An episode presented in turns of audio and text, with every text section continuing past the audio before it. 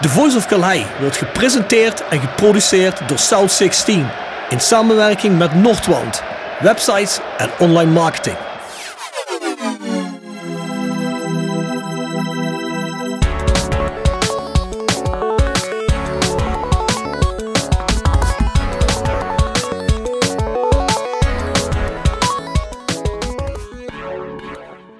Goedenavond mannen, op de avond van de laatste wedstrijden van de eerste speelronde van het WK. We hadden al aangekondigd dat we met de Voice Match Day, terwijl de eerste divisie stil lag, dat we ons gingen bezighouden met het WK. Dat zullen we dus ook doen. We gaan wel kijken of er zo meteen rode nieuws is. Ik denk wel dat er wat KKD nieuws is, maar daarna gaan we over naar het WK en gaan we kijken wat daar allemaal aan de hand was in die eerste speelronde. We hebben allemaal teams die we volgen en uiteraard heeft Nederland gespeeld, dus daar duiken we even in. Hey mannen, voordat we gaan beginnen, de gewone Voice of Calhei, die van gisteren, die gaat over de verzamelaars. Hè? Daar zit Ivo Kous in en Dave Hanneman van het museum. En Ivo is een verwoed audiovisueel digitaliseerder van alles wat Roda is. Nou, luister maar, dan kun je daar alles, uh, alles van horen, plus een update over het museum. Was een leuke podcast toch, Bart, om te doen? Ja, was hartstikke leuk. Hartstikke leuk. Ja, een, leuke, een leuke locatie. Ik was nog niet op, de, op die nieuwe locatie geweest. Uh, dus, uh, nee, nee die is een stuk kleiner, hè? Ja, dat wel. Dat wel. Maar op zich, je kunt een beetje rondlopen. En dan vind ik wel het effect leuk wat ze met, de, met die poort uh, hebben gemaakt. Dan, dat je nog uh, doorheen kunt lopen. Ja. Inderdaad. Maar goed, hopelijk krijgen ze binnenkort iets wat groter is. En waar ze dan ook zonder al te veel problemen mensen kunnen rondleiden. Maar daar wordt over gepraat in de podcast. Luisteren maar. Ja, voor de volgende week woensdag hebben we nog niet helemaal rond wie de volgende gast wordt. Zijn we bezig. Dus kunnen we nog niet veel over zeggen. Maar zoals je ons kent, dat komt altijd wel goed. Voor de rest hebben we de petjeaf.com seizoenskaart. Dat is geen rode seizoenskaart. Dat is een podcast seizoenskaart. En er zitten de extra's van de podcast in, waar we, als het een beetje lang wordt, dan gooien we er meestal een stukje vanaf. Van tevoren eindigde dat in de prullenbak, maar dat vonden we eigenlijk zonde. Dus we gaan al die zaken nu toevoegen aan de mensen die een seizoenskaart hebben. Petje.af. Nou ja, goed, als je nu per aflevering geabonneerd bent, zou ik zeggen, ga er eens kijken. Er is ook een gratis shirt wat je na een half jaar abonnement krijgt en dergelijke. Er zitten allerlei extra's in. Het heeft wel degelijk zijn voordelen. Maar kijk maar eens, is in ieder geval de seizoenskaart die we aanbieden. Nou, onze online shop is south16.com. Ik kan niet vaak genoeg zeggen. Begin volgende maand zit een hele nieuwe collectie erin. Ons e-mailadres is thevoiceofcalais.south16.com. Daar kun je voor de gewone podcast inschrijven, maar uiteraard ook voor de Voice Match Day. Ja, dan gaan we al eigenlijk meteen over naar het rode nieuws. Ja, er zijn uh, twee, uh, twee dingetjes die ik even wilde, wilde aanstippen. Eén geruchtje, daar wil ik niet al te lang bij stilstaan, maar dat is dat er interesse zou zijn vanuit Frankrijk voor Brian Limbombe. Ja, uh, van Sandy Ken. Dezelfde ploeg als Benji, inderdaad. inderdaad. Ja. ja. dus dat meer dan een gerucht is het nog niet. Dus we gaan afwachten of dat in de winterstop zijn beslag krijgt of niet. Heb je enig idee waar het gerucht vandaan komt, Bart? Geen idee, nee. Nee, ja, goed, dat zou natuurlijk, dat zou natuurlijk via, ja, dan denk je eerst als natuurlijk aan, aan via Benji natuurlijk. Of, ja, goed. Kijk, we hebben natuurlijk de laatste wedstrijd ook zonder Limbom een keer in de basis gespeeld tegen, tegen Den Haag. En dat vond ik ook niet heel erg onverdienstelijk gaan. Maar ja, ik hou, ik, ik hou er wel graag bij. Ondanks dat hij ook wel regelmatig wat kritiek heeft. En dan is er één, ja, vind ik zelf, dat als ik vanmiddag, en daar schrok ik wel een beetje van. En aan de andere kant ook weer niet. Maar dat is dat het helemaal niet goed gaat met onze, met onze vriend Pierre Vermeulen. Mm. Die postte op, uh, op zijn Facebook dat, uh, dat bij hem vasculaire dementie vastgesteld is. Wat eigenlijk zich uit in het feit dat hij het moeilijk vindt om woorden te vinden. Maar dat ja, daarmee ook zijn herinneringen steeds, uh, ja, dat hij steeds meer gaat kwijtraken. Hij schrijft er zelf over dat natuurlijk zijn boek vorig jaar is uitgekomen. En ja, dat hij er nu over denkt om die herinneringen die hij nu nog heeft. En die niet in het boek zijn uitgekomen, om die op te gaan schrijven. Ja, dat het toch allemaal vast ligt. Maar dat betekent denk ik ook sowieso dat Pierre en, uh, ja, en, en ook Lonnie natuurlijk een uh, ongelooflijk moeilijke tijd tegen moet gaan. En ja, dat is, ik denk iedereen die Pierre wel eens sprak of die wel eens in de fanshop kwam. Het feit dat hij nu zegt dat hij moeilijk op woorden komt, dat, dat zal niemand heel erg verbazen. Hmm. Maar ja, dat, dat, dat dan dit erachter zit, deze vreselijke ziekte, ja, dat, uh, ja, dat is toch is verschrikkelijk. Dus ja. heel veel sterkte in ieder geval aan, aan Pierre en Lonnie. Ja, dubbelsterkte. Ja, want, van ons, denk ik, ja. ja. Du dubbelsterkte, want volgens mij heeft hij ook zijn moeder nog verloren. Ja, laatst. Klopt. Ja, ja, dat is dus, uh, afgelopen dat, week, inderdaad. Dat is ja. inderdaad uh, tik op tik op tik. Ja. Ja, dus. Ja, misschien, ja, dat misschien is, toch een idee. Zolang Pierre wel enigszins zijn, zijn woorden nog kan vinden. Want ja, helaas zal het met de tijd minder worden. Misschien goed om misschien nog een keer uh, zo snel mogelijk uit te nodigen bij de podcast. Zodat uh, dat hij misschien uh, ja, audiotechnisch een aantal van die herinneringen... Dat kan vastleggen, ja. ja. ja. Want ja, we hebben gezien mannen zoals uh, Asservé Kuijer bijvoorbeeld. Hè, die zeggen ook tegen Bjorn en mij, nou, ik vind het fantastisch om dit te doen. Want ook mijn kinderen zeggen, die luisteren naar deze podcast en ja, die horen klopt. verhalen over mij eh, die ik niet kende. bijna- ja, Jij kent bijna een zo'n de soort ik, testament. Ja, Ja. Ik, ik, ken, ik ken Thomas goed, ja. Dus, eh, We willen ons niks aanmeten, maar het zou, eh, het zou natuurlijk mooi zijn als je zoiets kunt verzorgen dat iemand eh, toch nog anderhalf uur wat verhalen kan opnoemen die hij misschien straks kwijt is en die anders verloren gaan. Dat is denk ik een goed idee om dat binnenkort eens te doen. Ik hoop dat Pierre dat wel nog ziet zitten, want dat zal nu ook toch wel moeilijk zijn, denk ik. Maar we zullen zien, vragen kan altijd. natuurlijk. En Pierre is ook de broerste niet. Aan Vriend van de show, liggen, denk ik. Precies. Ja, vriend van de show, precies. Jasper, heb jij KKD-nieuws? Ja, het, het grote nieuws waar we dadelijk misschien nog iets dieper op ingaan, dat is natuurlijk vandaag overal op nieuwsmedia gekomen. En dat is het ontslag van, eh, van Dirk Kuyt. Ja, een beetje een rare timing. We hadden verwacht, als ze het doen, dan doen ze het gelijk na de wedstrijd tegen Rode JC. Is toch een evaluatie die eh, een aantal dagen heeft plaatsgevonden bij het eh Bingo Stadion, zoals het nu zo mooi heet. Is eh, de directie van ADO Den Haag toch tot het besluit gekomen dat Dirk Kuyt niet de juiste man op de juiste plek is. Nou goed, hadden wij natuurlijk van een afstandje ook wel enigszins kunnen aanvoelen komen. Jasper, is er eigenlijk een plek waar Dirk Kuyt wel de juiste man is? Ik denk in de botoxkliniek, eh Bart. of, of, in de, of in de kerk of zo, hè? Dorps verstoren, maar... precies. Nee, ik denk nou, dat eh, die, eh, luister jongens. En als rechtsback of wat was die in... Ja, precies. Nou, was een de uitstekende Brazilië. voetballer. Was een uitstekende voetballer. Ja, het, eh, Ja. natuurlijk een, een werkpaard als voetballer, maar hij is toen een heel klein beetje het spoor kwijtgeraakt. En eh, ja, je ziet dat dat eh, resulteerde in een aantal eh, gekke dingen in zijn leven alleen al. En ja, als trainer vanaf het begin eigenlijk kommer en kwel hè, in, de, in de Hofstad. Natuurlijk, de omstandigheden bij, bij ADO waren vanaf het begin eigenlijk niet eh, ideaal. Kwamen uit een, eh, uit een play-off wedstrijd waar het publiek eh, zich had misdragen. Vervolgens in de zomerstop, ja, eh, een aantal spelers wel, of net wel, net niet binnenboord gehouden. Nooit echt een lekkere band gehad met de, met de directie. Eh, nu technisch directeur Daryl Janmaat, die eh, als een stagiair werd weggezet vorige week, die eh, ontslag nam. Bij ADO is het eigenlijk het hele seizoen al niet rustig geweest. En misschien dat ADO dit moment wil aangrijpen om eh, een nieuwe koers in te gaan zetten. Maar ja, de ADO-fans, dat is weer het tweede gedeelte van het verhaal. Die willen eigenlijk liever nog dan dat Kuit vertrekt, dat Edwin Rijntjes vertrekt. En die blijft, zoals het er nu naar uitziet, gewoon op zijn plek zitten. Dat is de directeur die zwaar onder vuur ligt. Dus eh, ja, je vraagt je bijna af, is daarmee, eh, is met het ontslag van Kuit eh, de boel wel eh, op een goede manier gered nu voor ADO? Ik denk het persoonlijk niet. Ik denk dat die hele organisatie eh, op de schop zal moeten. Nee, ja, kijk, over Dirk Kuyt, we hebben natuurlijk hier in deze podcast al voor het seizoen voorspeld dat dat niks zou worden. Thans, dat heet Rob en ik. Jasper die had Den Haag als tweede. Ja, dat Maar- klopt.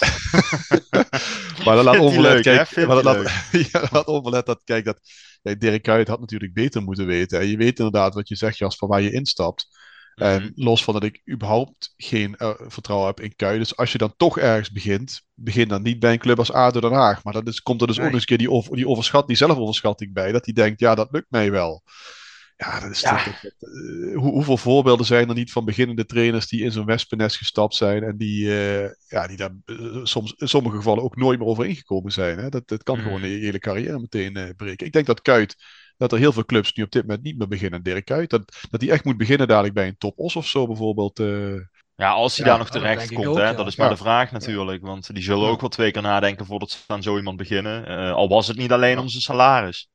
Ja, maar, ook- zeggen, weet je, want maar die ook, zal ook nog daar wel een eis dus ja, maar daar zal hij dus ook, eh, denk ik, van- vanzelf achter komen dat hij daarop moet gaan inleveren. Of misschien jeugdtrainer ergens bijvoorbeeld dan toch maar weer worden. Of als assistent aan de slag en van die, op, op die manier weer proberen erin te groeien. Maar dit, dit heeft hem enorm beschadigd.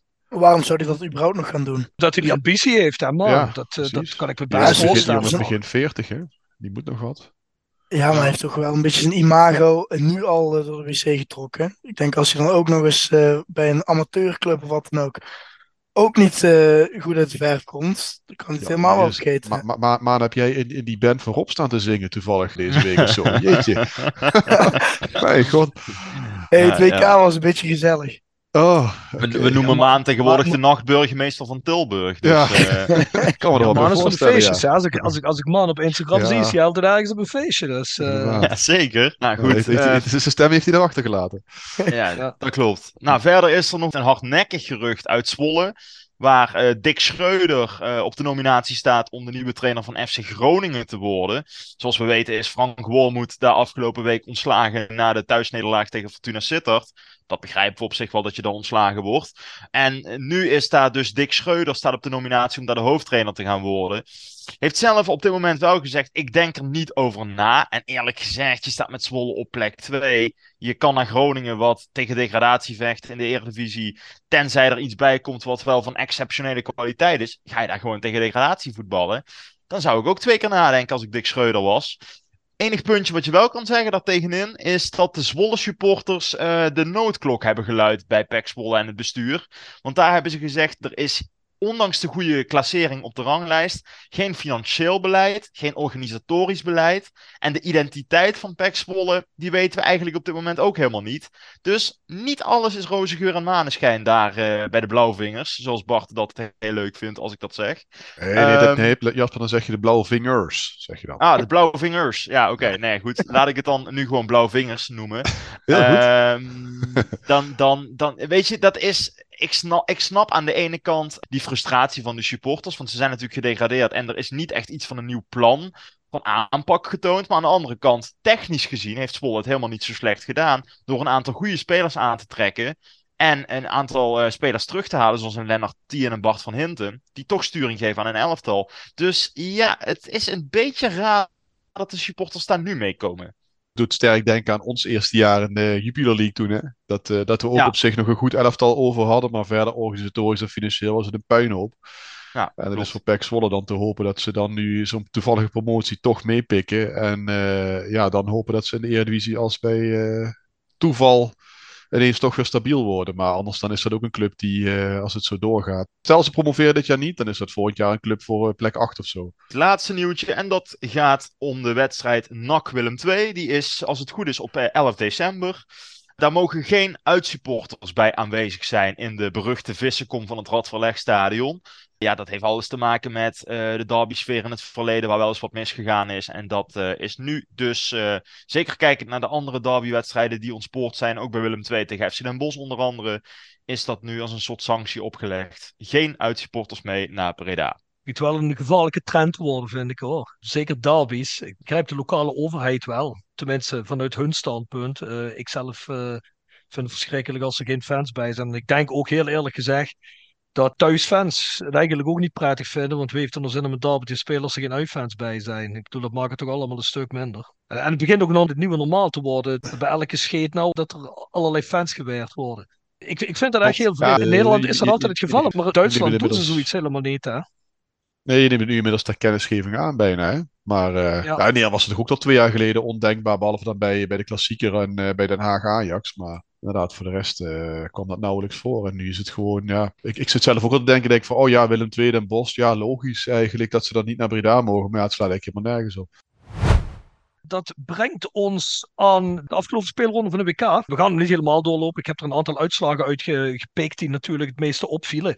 Uiteraard hebben daar Argentinië, Saudi-Arabië en Duitsland, Japan. Hè. Die gaan er allebei eigenlijk op een precies dezelfde manier onderuit. Vroege penalty. Scoren allebei. Denken dat ze in de eerste helft wel allemaal onder controle hebben. En komen dan toch tegen de tegenstander te staan die het dan toch veel meer wil als hun. En uh, krijgen allebei twee tegengoals en ja, verliezen allebei een openingswedstrijd. Met name voor Duitsland heel erg duur, hè? Want uh, kijk, als, als je ziet wat Spanje maakt tegen Costa Rica in diezelfde pool, dan mag je ervan uitgaan dat Japan ook wel van Costa Rica wint en dan dus op zes punten komt. Nou, dat betekent eigenlijk dat Duitsland van Spanje moet winnen. Willen ze. Ah, dat zie ik niet zo snel gebeuren.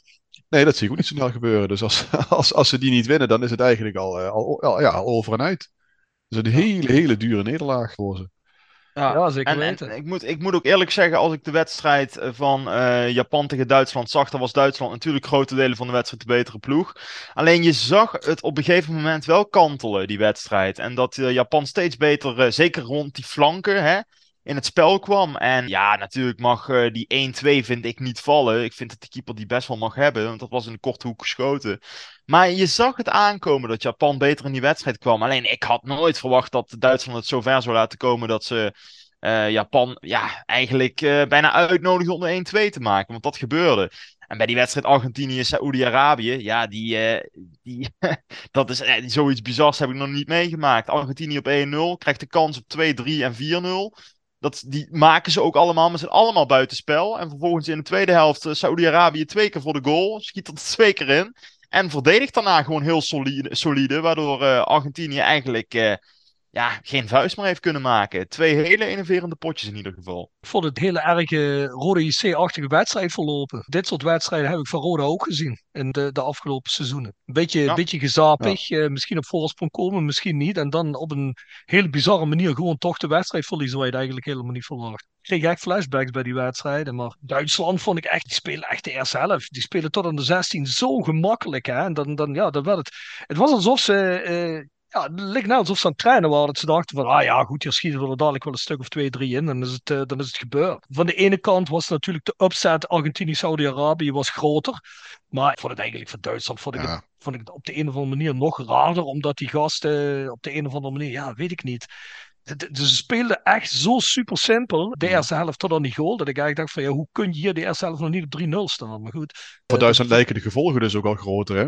Die ja. hebben nu echt tegen Spanje al een, uh, ja, een endspiel, zeg maar, op zijn Duits. Uh, ja, Argentinië heeft dan nog wedstrijden tegen Mexico en Polen. Ja, ja in principe kunnen ze allebei winnen. Wat zeg je? Ja.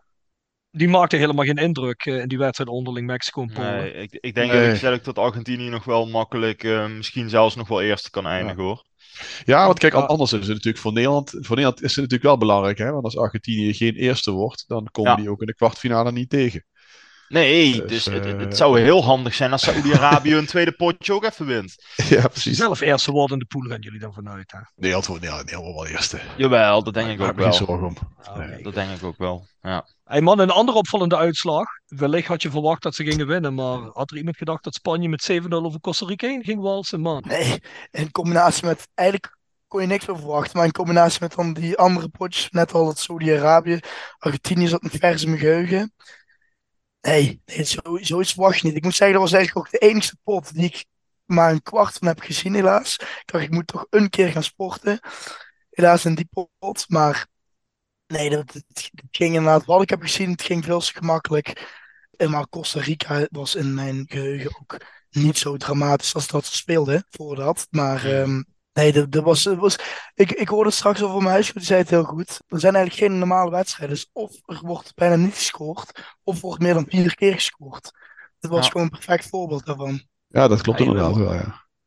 Ja, Costa Rica kunnen we ons natuurlijk nog wel herinneren van die, eh, die wedstrijd Ja. van Nederland, hè? Eh, acht jaar toch? geleden. Kwartfinale, ja. Ja, dus- dus- maar, maar ik heb de indruk dat bij Costa Rica dat daar de ploeg van 2014 eh, letterlijk alle oudjes nog in, in, in het veld stonden. Dus ik Ja, heb bij ja. hun ook wel een heel klein beetje de indruk dat ze niet echt goed doorgeselecteerd hebben. Want als je daar zo'n Ruiz nog op de bank ziet zitten, ik denk volgens mij heeft hij de 40 al gepasseerd, toch? Ja, luister, daar moet je Ja. ook de mensen voor hebben dan. Hè? Ik weet niet of jullie net iets eh, meegepakt hebben, een stukje van Uruguay.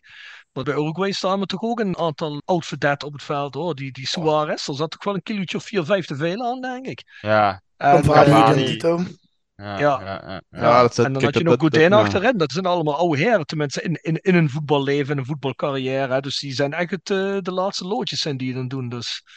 Ja. En zo heb je er nog wel een Nee, paar. hè. Ik bedoel, bij Kroatië loopt ook zo'n Modric rond. Hè. Ja, je hebt natuurlijk Messi rondlopen. Dan heb je Ronaldo, die eh, trouwens op een schofterige manier een penalty meekrijgt. Dat daar een VAR niet in kijkt. Hoe kan een VAR niet naar die, naar die oorzaak van die penalty kijken? Heeft iemand die Portugal-wedstrijd net gezien? Ja. Maar eh, het, het was toch op zich, ik zou hem, het zou het niet heel raar vinden als je die geeft. Die penalty. wel. Jij, je bent er echt, hij, hij werd toch aan de kant geduwd. En daarna Hij, hij, bedoel, hij zoekt zijn een been op en zo hij, gestaan. Nou, dat vond ik wel meevallen. op, ja, maar ik- dat is toch tactisch? Nee, ja, goed, maar vind ik het nog raar dat daar een VAR niet heen kijkt. De VAR kijkt naar alles deze WK en hier kijk je niet heen. Dat vind ik toch wel raar. Maar ja, goed. Van- sowieso die, die, die, die, die hele hype rondom Ronaldo, ook dit WK weer. Joh. Die, Ja. die, die, die vent heeft, heeft, eh, heeft, eh, letterlijk de media dit jaar alleen maar op een foute manier gedomineerd. En dan vindt iedereen het geweldig dat hij scoort. Eerlijk gezegd, ja, ik hoop dat Portugal er zo snel mogelijk uit is. Dat heb ik sowieso vanaf Ah, vroeger jongens, uit, dat, eh, die haat naar Portugal. Maar, het was dichtbij. Pa- Pas op jongens, de zeer gewaardeerde twitteraar eh, Lennart Pelzer, die heeft nog een eh, grote rol voor Ronaldo op dit, eh, op dit WK voorzien. ja. Ja, Dus, ik hoop met een rode kaart. Omdat hij zo Dat, hoop- dat, hoop, dat hoop ik ook. Ja, ja. Hey, jongens, Ja. heel eventjes. de, de beste teams die we gezien hebben in deze eerste speelronde. Ik ga er een paar opnoemen. Waar of niet waar? Engeland, Spanje en Frankrijk. De meest gemakkelijk spelende teams deze eerste speelronde. Of zeg ik iets geks nu? Ja, denk ik ook, eh, Rob. Ik denk dat je daar gelijk in hebt. Ik vond Engeland eh, heel wervelend tegen een zwak Iran, moet erbij gezegd. Frankrijk idem dito tegen een zwak Australië. Alleen je moet het toch maar doen, hè. En ook. Frankrijk met, met al die geblesseerde spelers eh, die ze erbij hebben, toch een... eh, misschien hadden ze het wel nodig. Even die verfrissing en die Franse ploeg er doorheen jagen. Spanje, ja, Spanje... eh, ook een zwak Costa Rica, maar als je Spanje bij tijden en wijle ziet voetballen op de kleine ruimte, die boogballetjes weer, Ferran Torres die kan scoren, op het middenveld die Gavi, ja, dat is smullen. Dat is echt weer een beetje, doet weer een beetje terugdenken aan eh, Xavi, Iniesta, Torres, Villa. Eh, dat, dat is gewoon weer echt terug op het wereldniveau, wereldtopniveau. Ja, to- toch ook. Kijk, kijk, dus terwijl we het opnemen zijn, is, is Brazilië nog het spelen dan als laatste. Eh, maar staat toch 2-0 voor nu inmiddels tegen, tegen Servië. En ei- ei- eigenlijk re- redelijk heersend. Het is niet, niet super wervelend, maar ja, kom ook niet in de problemen. En eh, ja, dan zou ik Servië toch wel eh, ook niet als de eerste de beste ploeg willen, willen zien. Wat ik met ja, Australië valt er nog wel mee, maar Costa Rica en eh, wat was die andere tegenstander nog? Wat ik, Iran. Iran, ja. Ja, dan, dan achter, sla ik Servië wel het hoogste aan van, die, van dat rijtje. En daar nou, daar Ah, winnen ja, ze toch relatief, ook, ja. relatief makkelijk van. Ja. Ja, Ja, maar Iran is ik eigenlijk ook geen koekenbakkersteam. Hè? Ik bedoel, Het is een Nee, team dat eigenlijk nee, in Azië klopt. altijd eh, heel hoog aangeschreven staat. Maar ik kan me voorstellen dat als in, in zo'n land nu al die onlusten zijn, dat dat ook wel onwillekeurig een klein beetje meespeelt hoor. Bij zo'n. eh, Mm. Dat denk ik ook. En ik denk dat de druk ook groot is geweest voor hun. Waar bij alle andere landen het ging om de One Love aanvoerdersband. Dat bij Ja. hun eh, het ook belangrijk is geweest om om een statement te dingen. maken, al dan niet. Ja. En ik denk dat dat wel zwaar op de jongens weegt. Kijk, die jongens hebben een statement gemaakt, die zingen de volkslied in mee. Nou, dat ziet iedereen in Iran. Maar je moet, Ja. maar, je moet, je moet maar zien dat Je- het... je- eh, hè, want als jij Je familie moet, je moet, je moet hebt wonen, voorlopig niet naar huis moeten, nee. Nee, maar ook je familie als die daar nog woont. Hè? Want dat, dat is wel zo'n regime dat je dan op die manier pakt. Ik weet dat niet uit eerste hand, want ik kom, ik kom niet uit Iran. Maar een vriend van mij vroeger, die is wel ook gevlucht uit Iran eh, voor politieke redenen. En die zei altijd, nou, ze mogen eigenlijk niet weten dat ik nog leef, want anders dan is mijn familie de dupe. Maar over het algemeen, ik, ik moet wel zeggen, Engeland riep wel eens voor de eerste keer zijn volledige potentie af. Hè. Ik vond het op het EK, vond ik het allemaal nog maar een beetje, ja, saai. Hè? Ze hebben zoveel goede spelers en dat, dat komt er niet echt uit. Maar als je nu ziet, eh, ja, het was wat Jasper zei, ik vond het redelijk wervelend. Het zou wel eens een verrassing Ja, kunnen worden en, het en, en, en, en Engeland natuurlijk al nu het twee, eh, derde toernooi op rij nu al, hè? Natuurlijk, eh, Ja, de, de- de- derde plek eh, vier jaar geleden, finale vorig jaar. Ja, natuurlijk heel Ja. veel kritiek geweest op die Southgate, gezien die eh, Nations League degradatie. Maar ja, die laat nu toch wel weer zien dat hij een ploeg neer kan zetten die inderdaad minimaal kwartfinales moet kunnen halen, ja.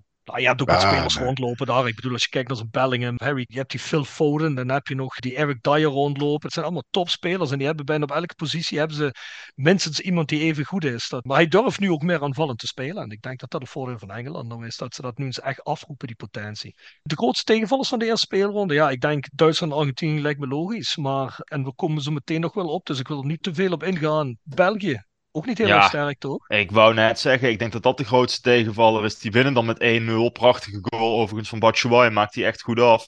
Alleen Canada was eh, all over the place. Dynamisch, snel, sterk aan de bal, eh, heel veel aanvallen. Het enige probleem met Canada is dat, ze geen middenveld hadden gisteren. Dus ze waren of het verdedigen of het aanvallen. Hey, ga, je, ga je met- nou mijn teamanalyse inpikken, Fat? Nee, nee, nee, nee, nee, helemaal niet. Maar ik heb genoten van jouw team, Rob. Ja, ik heb niks te veel beloofd, hè? Nee, dat, beloofd. nee, dat Nee, moeten we nee. zeggen. Ja, je hebt Nee, dit jaar sowieso al vaak goed met je voorspellingen, moet ik zeggen. Kun je voorbeelden nemen? Ik jinx dat niet, Jasper. Ja, ja, ja, ja, ik ga weer lekker door met het, eh, met het jinxen volgens mij dit WK. Godsamme zeg. ah, hey. De onterecht genegeerde kracht. Het nodigt misschien niet uit om het in je column te hebben over Andries Noppert. De jarenlang genegeerde keeper die nu bezig is aan een opmars langs de Nederlandse velden en nu ineens uit het niks op het veld staat tijdens een WK voetbal. Het zou een logisch onderwerp zijn. Echter, de Voice Matchday zou de Voice Matchday niet zijn als we het vleugje Rode JC toch in onze podcast willen houden, ook al is het tijdens een WK. Louis van Gaal zou me vervloeken. Die heeft het namelijk niet graag over niet geselecteerde spelers. Desalniettemin wil ik deze week in lans breken voor Mark Vlekken. Geboren 13 juni 1993 in Kerkrade. Er richtte je Kirchruitscher Jong oester opleiding voor als club. Niet voor lang. Vlekken werd namelijk op 16-jarige leeftijd al opgepikt door toenmalig Tweede Bundesliga team Alemannia Aachen. En dus brak Mark nooit door bij ons Rode JC. Wat volgde was een lange tocht langs de tweede elftallen van Alemannia Aachen en Greuther Fürth. Pas in 2016, Mark was toen 23 jaar en speelde voor MSV Duisburg in de Dritte Liga, kwam de carrière van hem pas echt op gang. In Nederland een grote onbekende, in Duitsland steeds een stapje bekender. Met beleid doorbouwen aan een goede carrière. Mark Vlekken weet ervan. De Dritte Liga werd in Nederland bijna nooit opgemerkt, maar toch waren er sporadisch momenten gedeeld op de website FC Update. Mark scoorde bijvoorbeeld een goal met een hakbal en maakte ooit een ontzettende blunder door niet door te hebben dat het spel hervat was toen hij het drinken was en met zijn rug naar het spel toestond. Lachen, gieren, brullen, maar de carrière van Vlekken was nog steeds niet echt van de grond gekomen. Stug doorzetten bij Duisburg leidde echter tot een transfer. Een transfer naar SC Freiburg in de Bundesliga. Als tweede keeper. De eerste twee seizoenen speelde Vlekken dan ook amper, tot hij in 2021 dan eindelijk eerste keeper werd. En dat ook nog eens na een langslepende blessure. Opnieuw kwam het karakter van Vlekken bovendrijven. Hij deed het zo goed dat ook bondscoach Louis van Gaal inmiddels zijn verrichtingen ging volgen. Steeds een stapje vooruit. In selectie voor het Nederlands elftal volgde dan ook snel. Vlekken beleefde zijn droom. Ineens bekend bij het Nederlandse publiek, wat hij al die jaren heeft gewild. De populariteit en interesse in zijn naam verlamde hem allesbehalve. Het maakte hem juist sterker. Zijn optreden in de nationale ploeg tegen Duitsland en Denemarken was misschien niet opperbest, maar echte fouten maakte hij ook niet. Vlekken leek een zekerheidje voor Qatar en ging zelf steeds beter keepen. De beschaafde Limburger in de haantjeswereld van het noorden, waar men Limburgers ziet als een vreemd soort mensen. Ware interesse tonen is er vaak niet bij, het zijn maar Limburgers. Dan zou je al bij Ajax, Feyenoord of PSV moeten spelen. Vlekken zal niet de grootste mond gehad hebben, zal niet meegepraat hebben met populaire jongens en zal dicht bij zichzelf gebleven zijn. Dit jaar werden zijn prestaties bij SC Freiburg echter alleen maar beter, maar het mocht niet zo zijn. Zelfs al zou Vlekken nog 10 penalties extra gestopt hebben, hij zou nog niet bij de selectie van Qatar zitten. Waarschijnlijk puur omdat hij niet mee kon praten met de grote jongens. Hoezeer ik Andries Noppert en Oranje het succes ook gun. Qua cijfers was er slechts één man die dit jaar verdiend had om naar Qatar te gaan. Om op dit moment de nummer 1 in Qatar te zijn. Mark Vlekken. Hopelijk is Ronald Koeman slimmer. Want het is een gemis om deze keeper nu niet in je elftal te hebben. Oh, de goal! In de voetstappen van Dick Nanninga. Oh, we komen tot de achtste finale. Het is absoluut het maximale, dit is ons niveau. Ja, goedemiddag weer vanuit uh, Doha. Ik uh, ben bij het uh, Kempinski Hotel ehm, met, met Ingo bij de Public House. Public House is een groot sportscafé, daar waren we gisteren ook. daar kwamen we gisteren Wesley Steiner tegen. Um, en hier, hier bivakkeert ook het Amerikaanse team. Uh, al die teams zitten natuurlijk ook in, in grote hotels. en die zitten allemaal in de buurt. Dus Nederlands elftal zit hier iets verder in het St. Regis. deze week zaten wij in een sportsbar Shots. dat was in het Hilton Hotel. En daar bivakkeerde dan toevallig het Kroatisch elftal. Dus ja, wat is er gebeurd de afgelopen 24 uur? volgens mij zijn jullie gisteren, hebben, hebben nog het stukje gehoord van de Canadese fans die nog hoopvol waren over hun wedstrijd tegen België. Eh, en terecht blijkt eh, achteraf. En in die zin dat ze een, ja, wat betreft, fantastische pot op de mat gelegd hadden. ik had geen idee van Canada. ik had een beetje iets erover gehoord via Rob. Ehm, maar ja, wat een lekker voetbal. Lekker fris, lekker opportunistisch, volle energie. Ehm, tegen in België met natuurlijk fantastische spelers. Maar ehm, ja, dat was allemaal wat gebrei, heel erg traag. en ze stonden echt zwaar onder druk. Dus uh, er, waren trouwens best veel Canadese fans. Eh, eh, zoals jullie hoorden in het gesprekje met die Canadese fans. die verwachten er heel erg veel van. Die zijn sinds 86 niet op een WK geweest. En die mannen waren dus ook in grote getalen hier, hier aanwezig op de tribune. Niet alleen in, de, in de, de gegroepeerde groepen zoals ze die via de bond hadden gekregen, maar door het hele stadion heen. En ja, ook die waren hartstikke enthousiast. Leuke, leuke groep fans moet ik zeggen ook wel eens een verademing tegenover andere groepen zoals vandaag. De, eh, de, de Zwitsers. Er was weinig, eh, weinig aan, eh, net als, eh, net als Cameroen. Eh, maar Canada, ja, helaas uiteindelijk verloren. Als ze iets eh, beter met die kansen waren omgegaan, als niet zo'n rustig waren geweest, dan had dat een mooie stunt voor eh, Canada kunnen zijn. Helaas, niet, eh, niet gebeurd. Eh, wij waren blij dat, we dat de, de wedstrijd in het eh, Al, Ali bin Achmi, weet ik wat, eh, stadion eh, plaatsvond. In ieder geval het stadion eh, naast onze eh fan village. Ehm, want dan konden we terug naar huis lopen. En dat is toch elke keer wel een dingetje hier. Als zeker als je zoveel wedstrijden ziet als wij. Eh, en twee op een dag, dan, eh, dan is dat eh, gereisd. En je kunt je voorstellen, het gaat bij grote evenementen.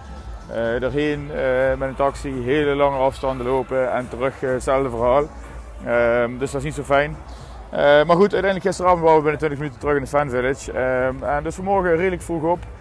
Lekker ontbeten. Ehm, en vervolgens met de taxi richting het eerste stadion waar we terecht kwamen. Het Al Janoub stadion.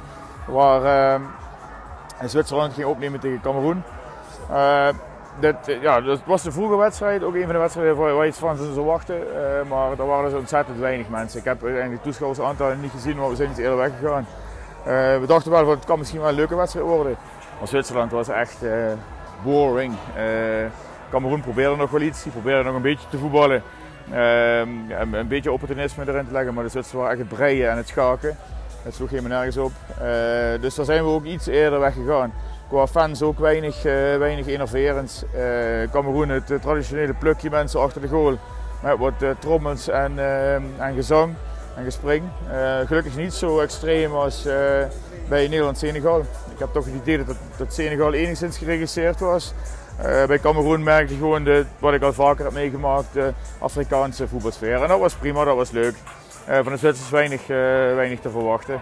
Ehm, dus dit stadion zaten vooral mensen die ja, vandaag of de komende dagen nog eh, andere wedstrijden gaan zien. En die dachten, deze pikken we lekker mee. Zoiets als eh, Ingo en ik. Maar goed, ook weer op tijd eh, weggegaan en hier uiteindelijk in Kempinski beland. Waar we goed gegeten hebben, een paar uh, biertjes gedronken hebben. En straks dan afreizen naar het eh, Lookout Stadion waar, waar de finale straks gespeeld gaat worden over een paar weken. Maar vanavond dus Brazilië tegen Servië. Daar verheugen we ons op, want dat is toch, eh, ja, Brazilië spreekt natuurlijk aan. Eh, hier zijn ook ontzettend veel Braziliaanse fans. eh, echt uit Zuid-Amerika, maar ook natuurlijk lokale bevolkingen en, en omringende landen die Brazilië ondersteunen.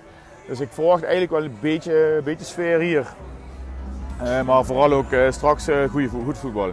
Ehm, wat dat betreft was, was de wedstrijd van gisteren absoluut een hoogtepunt met, eh, eh, met Canada tegen, België. Eh, dus ben benieuwd, dat gaat, dat gaat leuk worden. Voor de rest, even kijken. Het enige wat ik nog vergeten was te zeggen, inderdaad, over die wedstrijd van, van Canada. Er zaten veel Canadezen om ons heen, maar er zaten ook hele hoop andere mensen om ons heen. En op een gegeven moment dachten Ingo en ik zelfs dat we in een vak met geestelijk beperkten terecht waren gekomen. was niet helemaal zo. Eh, er zat een man naast ons, en misschien hebben jullie het videootje in de app gezien, mannen van de podcast. Waarbij, eh, ja, ik denk een Indiaas of Pakistaanse man eh, met een, eh, een Belgische vlag staat te zwaaien aan het einde van de wedstrijd. En die was helemaal gek van België. Echt bizar fanatiek. En iedereen wist dat is geen Belg. Ehm, nou, er zijn natuurlijk heel veel mensen in de regio en ook de mensen die hier wonen, die niet Qatari zijn, maar die hier hun baan hebben en hier proberen een brood te verdienen. Eh, die, die geen voetbal, uit een voetballand komen en die een ander land eh, supporteren. Dat snap ik nog, eh, dat is prima. Ik bedoel, Nederland, Nederlandse supporten België op het moment dat we zelfs niet aan een WK gaan, dus waar hebben we het eigenlijk over? Maar, maar dit fanatisme dat was een beetje overdreven en die, die goede man die stoot ook nog allerlei vreemde, dubieuze geluiden uit. Wat, wat, wat, ons deed twijfelen aan zijn eh, geslacht. Maar goed, hier mag je niet over gender, gender neutrality hebben. Het was wel heel grappig om te zien. Aan de andere kant was er ook een Braziliaan. En dat was eigenlijk veel triester. Eh, die kwam met een Braziliaans shirt en een grote Braziliaanse vlag binnen. Eh, maar heel snel had hij ook twee Canadese kleine vlaggetjes die ze hier gratis uitdelen bij alle wedstrijden in zijn handen. En was hij fanatiek mee het schreeuwen en juichen voor die Canadezen. Hij was een varteken maken op het moment dat, dat er een dubieuze beslissing door scheidsrechter genomen werd. Helemaal gek. Eh, en de Belgen hebben nog niet gescoord. Of hij is al met twee Belgische vlaggetjes eh, rond het zwaaien. Dus eh, dat, dat irriteerde mij al. Eh, dusdanig dat ik zeg tegen Ingo, op het moment dat dit gebeurt bij een Nederlands wedstrijd, is het tijd voor die gast. Dat, eh, dat kan echt niet. Dus eh, die had echt een zware identiteitscrisis. Maar zo eh, zie je dus ook heel veel verschillende mensen eh, bij de wedstrijden hier. Wat ook nog opvalt hier, eh, na een paar dagen. ehm, in het begin denk je, ja, dit is de eerste wedstrijd. En dat kan wel eens per individu verschillen. Maar ze hebben er een eh, soort van show van proberen te maken. Ik weet niet wat je daarvan in Nederland meekrijgt. Maar je hebt hier commentatoren en mensen in de rust, presentatoren, die eh, door het stadion heen lopen tussen fans. En die maken het echt zo super schreeuwerig. Eh, in de rust zitten, zitten die, die gasten dan, een man of een vrouw, tussen de, die plukjes georganiseerde fans van de landen. En die proberen dan een weef te bewerkstelligen, of een bepaald liedje, of weet ik wat, een bepaald dansje. En het gaat zo overdreven, schreeuwerig, echt keihard schreeuwen eh, door de speakers van het stadion. Ja, daar krijg je plaatsvervangende schaamte van, want dit is natuurlijk helemaal, heeft helemaal niks met voetbal of voetbalsfeer eh, te maken. Eh, en het reikt tot en met eh, het opnoemen van de opstellingen. Dat gaat ja, Wim Freins. En dan drie keer in een kwadraat en met een betere geluidsinstallatie. Echt verschrikkelijk. Verschrikkelijk lawaai. Hebben ze sowieso een handje aan hier. Ik weet niet wat jullie nu de achtergrondgeluid horen. Maar muziek, eh, presentatoren, dat soort dingen zijn echt gigantisch hard. Echt, eh, ja, niet, niet binnen, ik weet dat ik oud ben het worden, maar eh, dit gaat echt alle normen te buiten. Dus dat is wel vervelend af en toe. FIFA-feestje wat dat betreft. En misschien ook wel hier lokaal eh, hebben ze er een handje aan, ik heb geen idee. Maar wel het formele waren, dat is een van de bijzondere dingen die we, die we meemaken.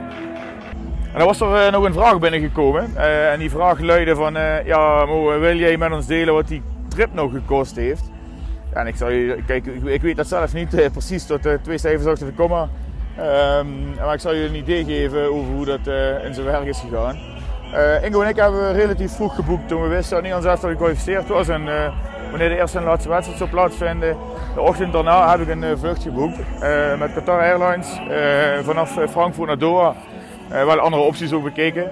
Nou, dat, dat is een vlucht van een eh 6 uur heen, 7 uur terug. Eh, dat kostte rond de 1400 euro. En vervolgens kon je pas accommodatie boeken op het moment dat je kaarten had gekocht. Eh, en tickets moet ik eerlijk zeggen, via de KNVB heb ik eh, geen tickets gekregen, behalve de naam van mijn vrouw en mijn zoontje. Die heb ik uiteindelijk weer verkocht. De eerste, inschrijving van FIFA heb ik geen kaarten gekregen en daarna wel. Voor vier wedstrijden toen. En dat waren allemaal categorie 3 kaarten op één wedstrijd. Nou, een categorie kaarten die kosten rond de 65 euro. Dus dat is helemaal niet zoveel. Eh Ingo en ik hebben er natuurlijk voor gekozen om eh, in plaats van alleen de Nederlandse wedstrijden en misschien één of twee andere wedstrijden, om totaal acht wedstrijden te zien. Dus op zich eh, heb je daar wel een keuze in natuurlijk wat je kunt gaan doen, maar geen ehm, ja, absurde bedragen denk ik. Voor accommodatie, we hadden de tickets geboekt, we hadden een vlucht geboekt. Dan kon je pas, als je een bepaald visum had aangevraagd, het zogenaamde Haya-visum, hier in Qatar, wat gratis is, eh, kon je accommodatie gaan uitzoeken. Eh, en eh, nou, de Fan Village bleek het meest geschikt te zijn. Er zijn er drie van hier. Ehm, ik snap nog steeds niet alle commotie. Ik weet niet hoe het in de andere twee Fan Villages gaat. Maar die van ons is echt prima in orde. In het begin waren er nog wel wat kinderziektes, maar dat ding was natuurlijk net open. En dan, eh, dan zie je de- wat dingetjes die nog niet klaar zijn. Hebben we totaal geen last van gehad verder. Dus is prima geregeld. Ik hoor ook geen klachten van mensen die er zijn waar we mee praten. Eh, het, is gewoon basic, maar ja, goed, nog steeds tien keer beter dan op een camping en in een tentje liggen, zoals we dat ook wel bij andere EK's en WK's hebben meegemaakt. De kosten daarvan zijn eh, 200 euro per nacht, dus dat is 100 euro per persoon. Ja, ook daar hebben wij natuurlijk, eh, we zijn iets eerder aangekomen, dus we hadden ook ervoor kunnen kiezen om pas op maandag of zo aan te komen. Scheelt weer een paar nachten. Dat hebben we niet gedaan. Ehm, dus heb je je vlucht en je kaarten, eh, of je, je vlucht en je, ehm, je verblijf. Eh daar ben je ongeveer een eh, dikke 2000 euro kwijt. Eh, en dan nog wat tickets. Eh, nou goed, wij hebben verkozen om acht wedstrijden te gaan. We natuurlijk voor twee Nederlandse wedstrijden kunnen kiezen. Eh, tussen de 60 en 70 euro per, per wedstrijd. Het verblijf hier, wat, wat positief is als je dat wil, als je een beetje op budget wil letten, dan kun je gratis met openbaar vervoer gaan. En dat betekent dat je bij alle stadions kunt komen met metro. En soms is daar dan een bus nog aan verbonden. Dat kan, hebben Ingo en ik niet gedaan, zeker niet door ons intensieve programma. Eh, wat toch sneller is om met de Uber te gaan. Uber is ontzettend goedkoop. Eh, we betalen voor het ritje van eh, 20 tot 30 kilometer hier rond tussen de 10 en 15 euro, al lang hoe druk het eh, is. Dus daar kun je eigenlijk niks van zeggen. Eh, dus dat valt allemaal nog mee. Wat natuurlijk iets duurder is, is eh, eh, eten en drinken. Eh, supermarkten zijn we geweest eh, en daar hebben we voor 25 cent een eh, flesje water gekocht. En voor 40 cent een blikje eh, Coca-Cola. eh, om eh, iets in onze container eh, in de ijskast te hebben. Ehm, eh, over het algemeen eten ook niet, eh, niet per se duurder dan bij ons als je het in de supermarkt haalt. Eh, alcohol is natuurlijk niet te krijgen daar. Wel zag je daar bijvoorbeeld fruit liggen en appels zijn dan weer relatief goedkoop. Maar als je een uit Nederland geïmporteerde kiwi koopt, dan kost die 4 euro per stuk. Dus nou, om je een idee te geven. Hoeft niet per se duur te zijn om, om je ijskast te vullen. Als je gaat eten, eh, dan kan het ook goedkoop zijn. Er zijn heel veel kleine uh, tentjes, eh, lokale Midden-Oosten eten, tenten. Daar kun je best goedkoop eten. Ehm, als je hier, zoals wij vandaag bijvoorbeeld in een hotel, een Kempinski hotel iets eet, bijvoorbeeld een, een, een, een dan ben je 20 euro kwijt of zo. Nou, dat is, dat is best prijzig, maar ook, niet weer, ook weer niet super duur. Als je een biertje bestelt, nou ja, sommige hotels eh, hebben we gezien kost het eh, eh, 15 euro. Eh, we hebben ook een eh, Ierse pub en een hotel eh, gezien waar we gewoon voor een halve liter eh 9,50 betalen. Ja, dat is helemaal op zich niet zoveel. Hè. Als je dat vergelijkt met Nederland, dan betaal je ondertussen ook 7, 8 euro voor een eh, halve liter. Dus al gelang waar je bent, kan dat best eh, goedkoop. Ik zit hier nu in het Kempinski en we hebben hier eh, 12,50 betaald voor een eh, halve liter fles eh, Franciscaner.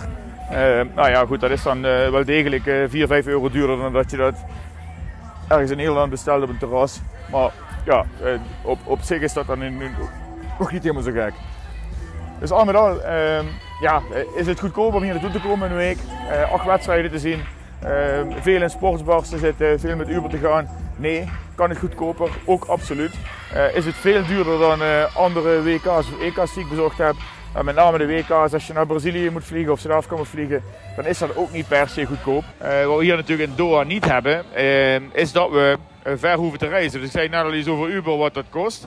Maar zoals ik, in, ik ben in Zuid-Afrika geweest en dan moest ik van Johannesburg naar Durban vliegen en weer terug. En vervolgens weer van Johannesburg naar Kaapstad en terug. Ehm, dus het land op zich was misschien goedkoper om te eten en te drinken op sommige gebieden. Maar dan kreeg je dat soort dingen erbij. En dan was in Brazilië natuurlijk ook een groot land waar, eh, waar we naar Porto Alegre moesten vliegen. Eh, waar we uiteindelijk de bus hadden naar, eh, vanuit San, van Sao Paulo naar Rio de Janeiro. Dat was relatief goedkoop. Maar vluchten waren daar bijvoorbeeld niet te betalen.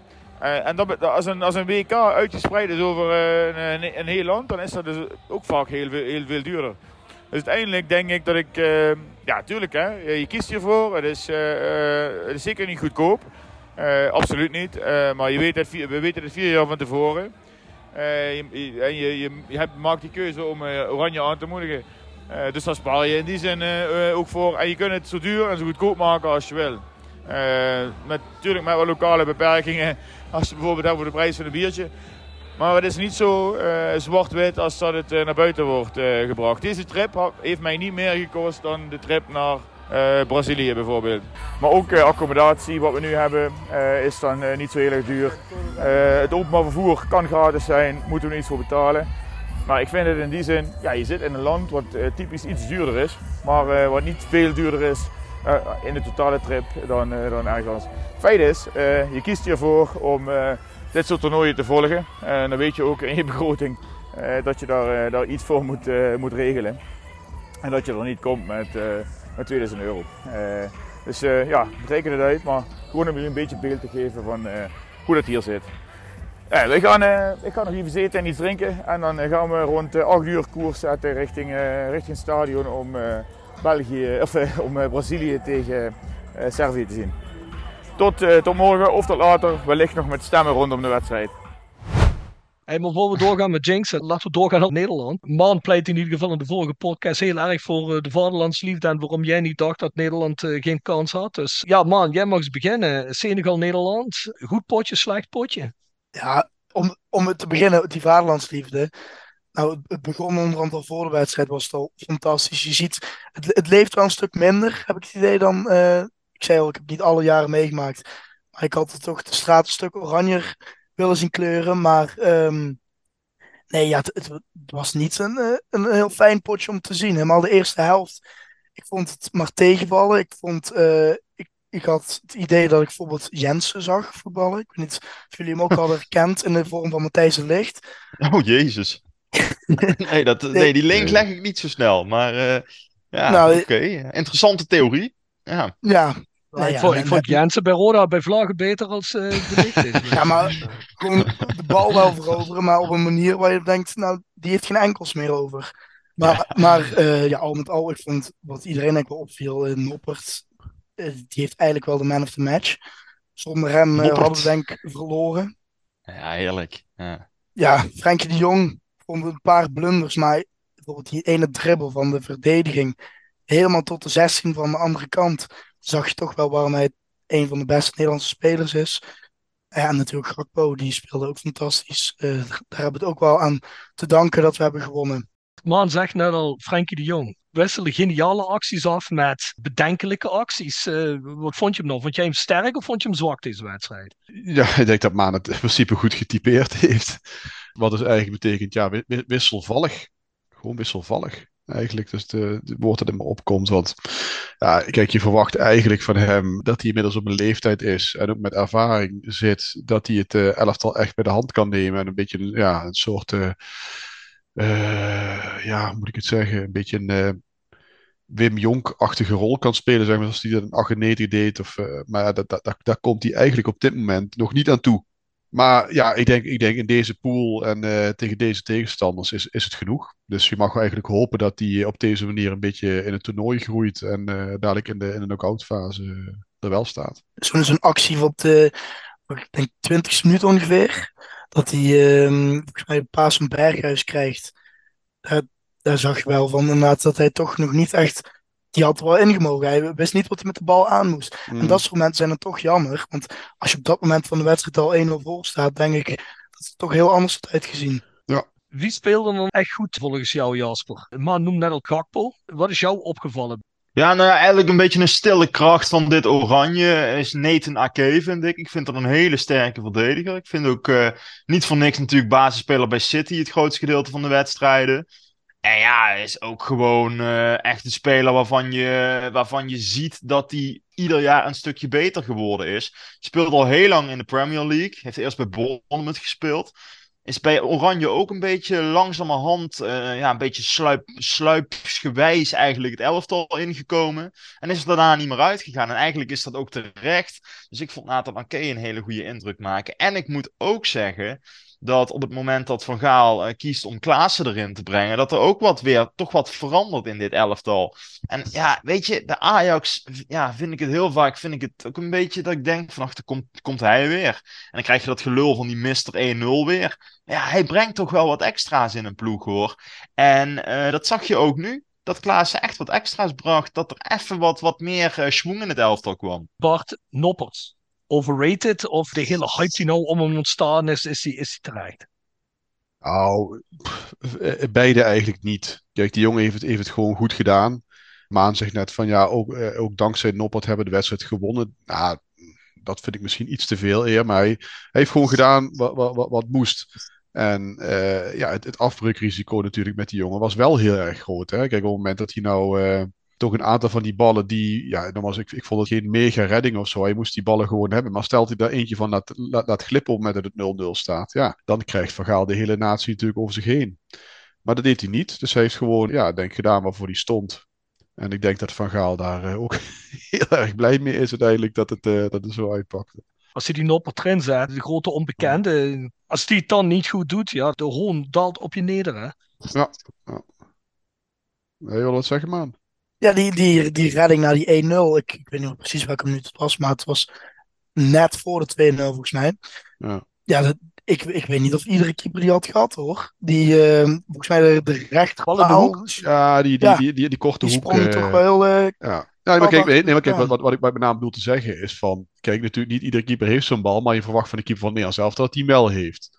Dat klopt. Eh, alleen, ja, we zien hem eigenlijk allemaal natuurlijk niet als een keeper van het Nederlands elftal. Dus dan heb je dan zoiets van, hey, kijk, fantastisch. Maar ja, het was natuurlijk ook eh, echt te gek voor woorden geweest als hij daar in die korte hoek binnen was gegaan. Eh, hadden, we, hadden, we met z'n, hadden, hadden met z'n allen gezegd eigenlijk van, ja, die, dat is eigenlijk een bal voor de keeper. Maar hij pakte die Ja, goed. ik- dus heb- hij ik heb- ik-. Ik heb nog steeds de indruk dat die, eh, dat die Noppert een prijs heeft gewonnen dat hij toevallig een WK-wedstrijd mag keepen of zo.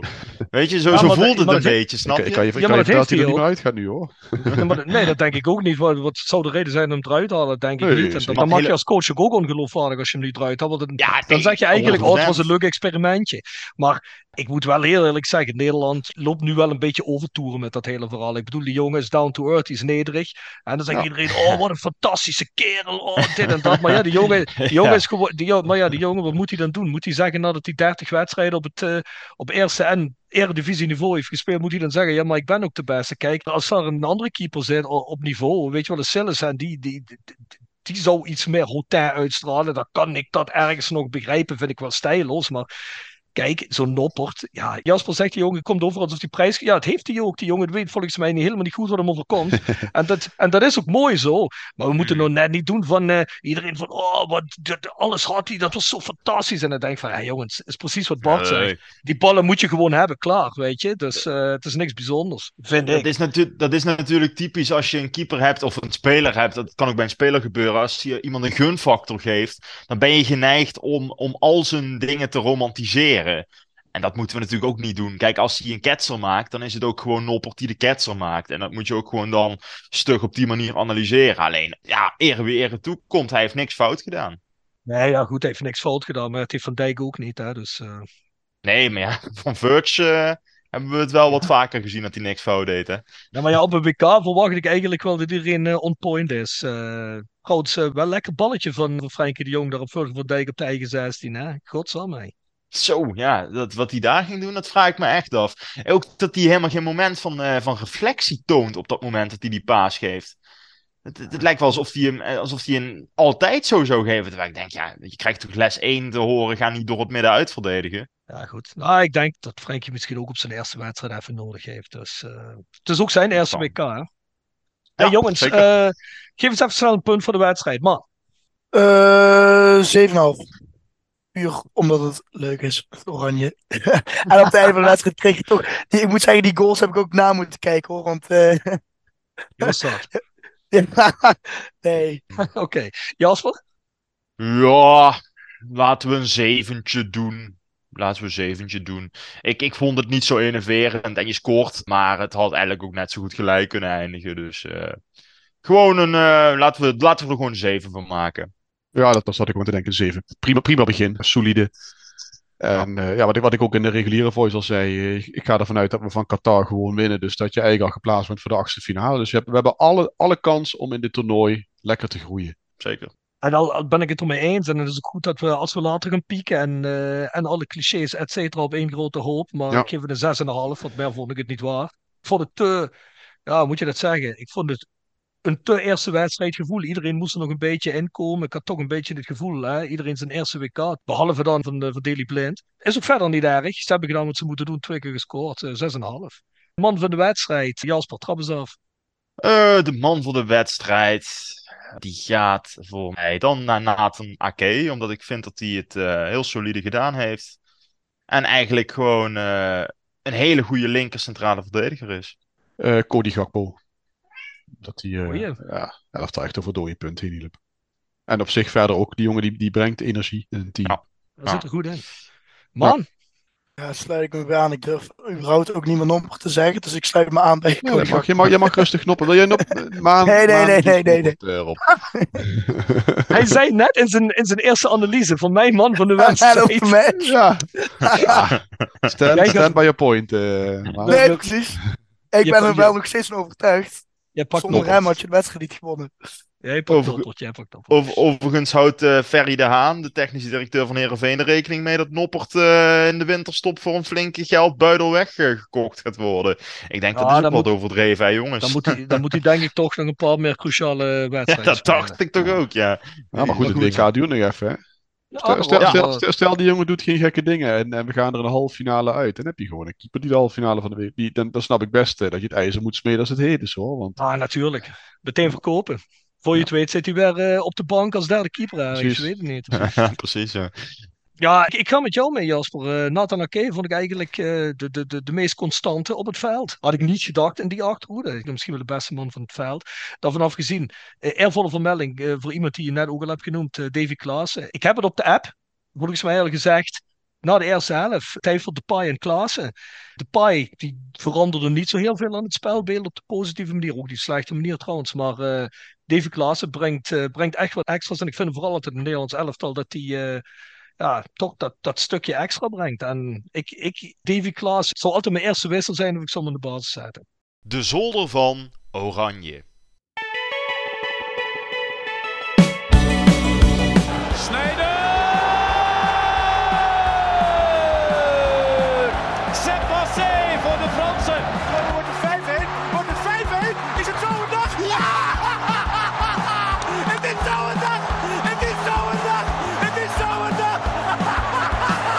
René van der Kerkhoff, kom! Het hoofd van Nanninga, het is het doelpunt! Het is het hoofd van Nanninga, het is het doelpunt! In aflevering 2 het WK van 2006.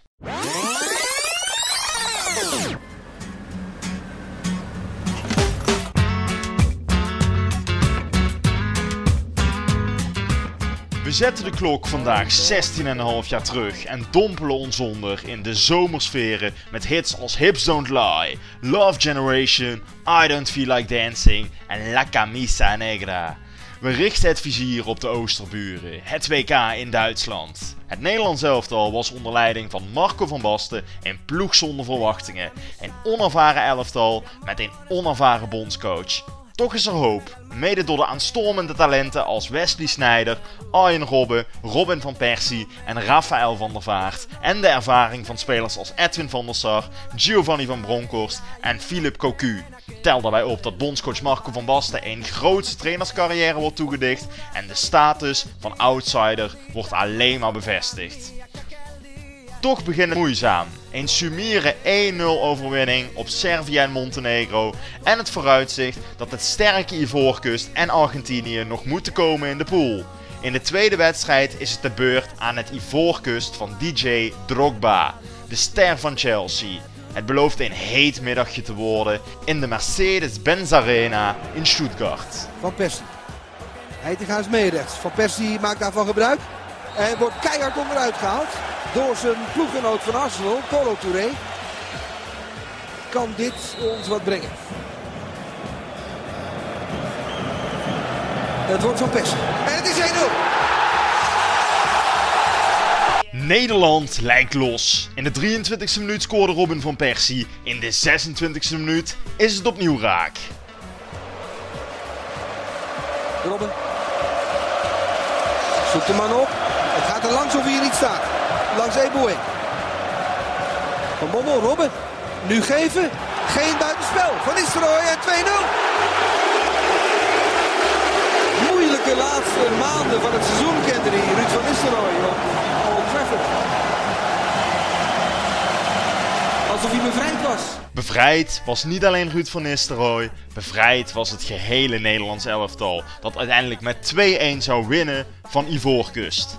Het Nederlands elftal zou vervolgens nog één poolwedstrijd spelen tegen Argentinië.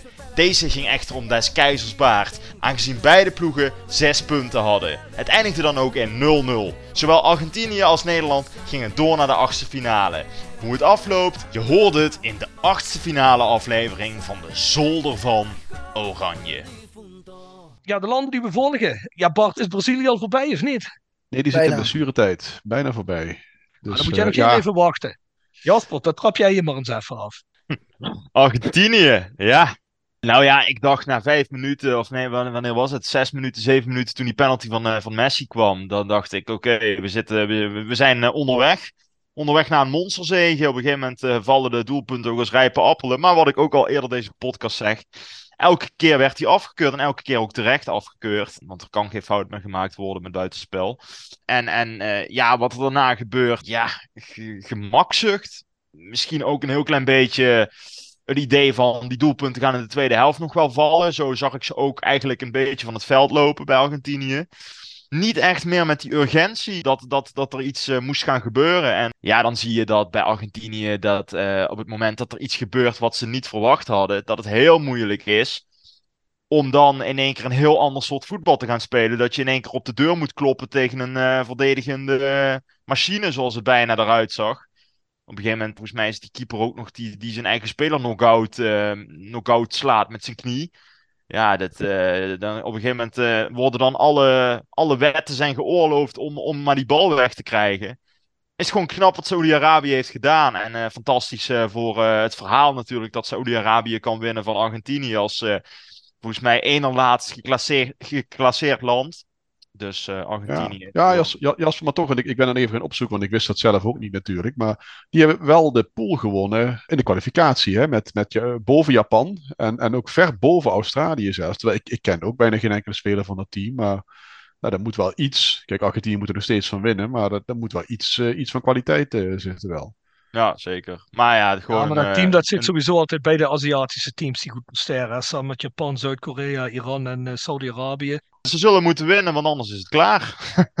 Heel simpel. Ja, dat zeker. Daar hebben we het net al over gehad. Hè? Ja, Polen, Mexico. Schatten we niet al te sterk in. Hè? Dus eh, ja, dat zal toch moeten lukken, lijkt me toch? Ja, Mexico weet ik nog niet. Polen, dat zou je normaal gesproken moeten winnen, ja. Wat viel jou als meeste op bij Argentinië? Eh, ja, wat ik zeg, gemakzucht en denken dat je er al bent terwijl je pas 1-0 voor staat. Is het stomste wat je kan doen. Ik vond vooral wat heel erg opvalt, maar dat valt me telkens op, op elk wereldkampioenschap wat ik met hem zie. Als het niet mee zit bij Messi, dan gaat dat kopje hangen. En die, Ja. heeft, die heeft niet die winnersmentaliteit. Hij wil altijd natuurlijk een wereldkampioenschap winnen, omdat Diego Maradona het heeft gedaan, dat hij anders nooit, ja, ook maar diezelfde status in Argentinië zou krijgen, Diego Maradona, kun je sowieso volgens mij niet, want die, die jongen is een, een, is een halfgod in Argentinië. Die Maradona, die had veel dingen die misschien hem tegenzaten in zijn carrière en die hij zich ook zelf heeft aangedaan. Maar het willen winnen van een wedstrijd en het er compleet voor gaan, dat is iets, een kwaliteit die volgens mij Messi niet heeft ten opzichte van Maradona. Zie jij Messi al de hand of God goal maken? Nou, ik niet hoor. Nee, nee. Als, Me- als Messi dat had gehad, dan was het echt een machine geweest. En dan, eh, was, ja, eh, dan had je er echt niks tegen kunnen beginnen. Maar mede do- door dit soort dingen heeft hij Argentinië nooit eigenlijk eh, verder kunnen leiden. Ehm, van alle WK's waar hij tot nu toe heeft meegedaan, en dat zijn er inmiddels al een aantal. Ja, En maar ja, ik vind dat hem daardoor niet de leider die bijvoorbeeld Diego Maradona wel was. Diego Maradona, ja, jullie hebben die tijd niet meegemaakt natuurlijk, Bal en ik wel. Ja, dat, dat is zoals het is. Maar eh, Nee, ja, klopt. een heel team hing aan de lippen quasi van die gast. Iedereen keek ook naar hem. En nu kijkt ook misschien mensen wel naar Messi, maar ik denk niet dat mensen zo erg als een leider naar Messi keken als ze dat naar Maradona deden. En daar heb ik het niet over speeltechnisch, maar het eh, puur menselijk. Nee, ik Ja. zie Argentinië ook absoluut. Ik heb al gezegd, een van de kanshebbers. Maar na deze wedstrijd heb ik er wel genoeg gezien. Ze zijn voor mij kanshebber af. Nou, dat, zou ik nog niet, serieus. dat zou ik nog niet willen zeggen. Kijk, eh, Kanshebber af. Mark my words. Oké, oké Rob. Nou ja, dat moeten we doen, serieus, want jij, hebt, serieus. jij hebt inmiddels Maar- vaak dingen Maar, goed. maar, maar, maar- maar- mag, Jasper die, mag, mag Jasper hem wel nog zelf volgen, Rob? Of? Hij mag hem zelf volgen, jawel. Tot in de kwartfinale, ja. Dan zijn ze eruit. nou, Hey, maar Bart, nou, eh, dat- Brazilië, zijn die al voorbij? Het, het, het is inmiddels afgelopen, ja. 2-0 geworden. Twee doelpunten van, eh, even kijken, van Richarlison. Richarlison, zeg ik dat goed? Ja, Tottenham. Ja, Richarlison, van, ja. van, van Tottenham. Ja, daar, daar, daar volgens mij nog niet gescoord dit jaar. De meest Nee, irritante maar, Braziliaan op aarde, die Richarlison trouwens. Nou, de- nou, daar heb je er een aantal, denk ik, die daaraan meedoen. Ja, ik wou het zeggen. wil je- Wat dacht je van Neymar dan? Eh? maar ja, eh, pff, ik, ik moet zeggen, eh, ze zijn voor mij niet de topfavorieten. Wel bij de boekies volgens mij wel. Maar als ik gewoon naar het elftal kijk, dan, dan, weet je, dan zitten daar best wel van dat soort spelers bij die in de top of een beetje net onder de top zitten. Hè? Ze hebben bijvoorbeeld ook Rafinha er, er- erbij lopen. Ja, dat is bij Barcelona dan wel. Die speelt bij Barcelona. Niet, niet, niet, niet echt, eh, echt de absolute top. Eh, Vinicius Junior, die, die, die staat mee voorin ja, weet je, het, het, het is, maar, maar, maar het, het zit toch gewoon goed in elkaar. Het is, het is ook echt zo'n toernooiploeg. Ze komen eh, voor mijn gevoel eigenlijk altijd ver. Eh, Ze zijn ook altijd, volgens mij ook, als ik het goed zeg, eh, het enige land dat er altijd bij geweest is. Dus ik vond het gewoon daarom interessant om te volgen. Duitsland ik heb Duitsland altijd erbij? Hebben die er niet Ja. eentje gemist?